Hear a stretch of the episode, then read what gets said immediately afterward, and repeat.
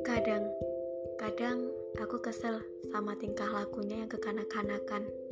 Kadang juga kesel sama tingkahnya yang aneh, tutur katanya nggak bisa aku mengerti. Kadang juga kesel karena tiba-tiba dia sok dewasa, tiba-tiba sok manja.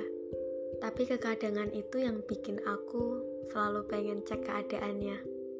On di WhatsApp nggak ya? On di IG nggak ya? Kadang-kadang dia bikin story aja nggak sampai semenit udah kulihat. Tapi bukan perkara kadang buat mengakuinya. Karena berat. Ya kali, boro-boro mengakui. Komen aja udah enggak. Secuplik kata dari seseorang yang terjebak dalam masa lalunya sendiri.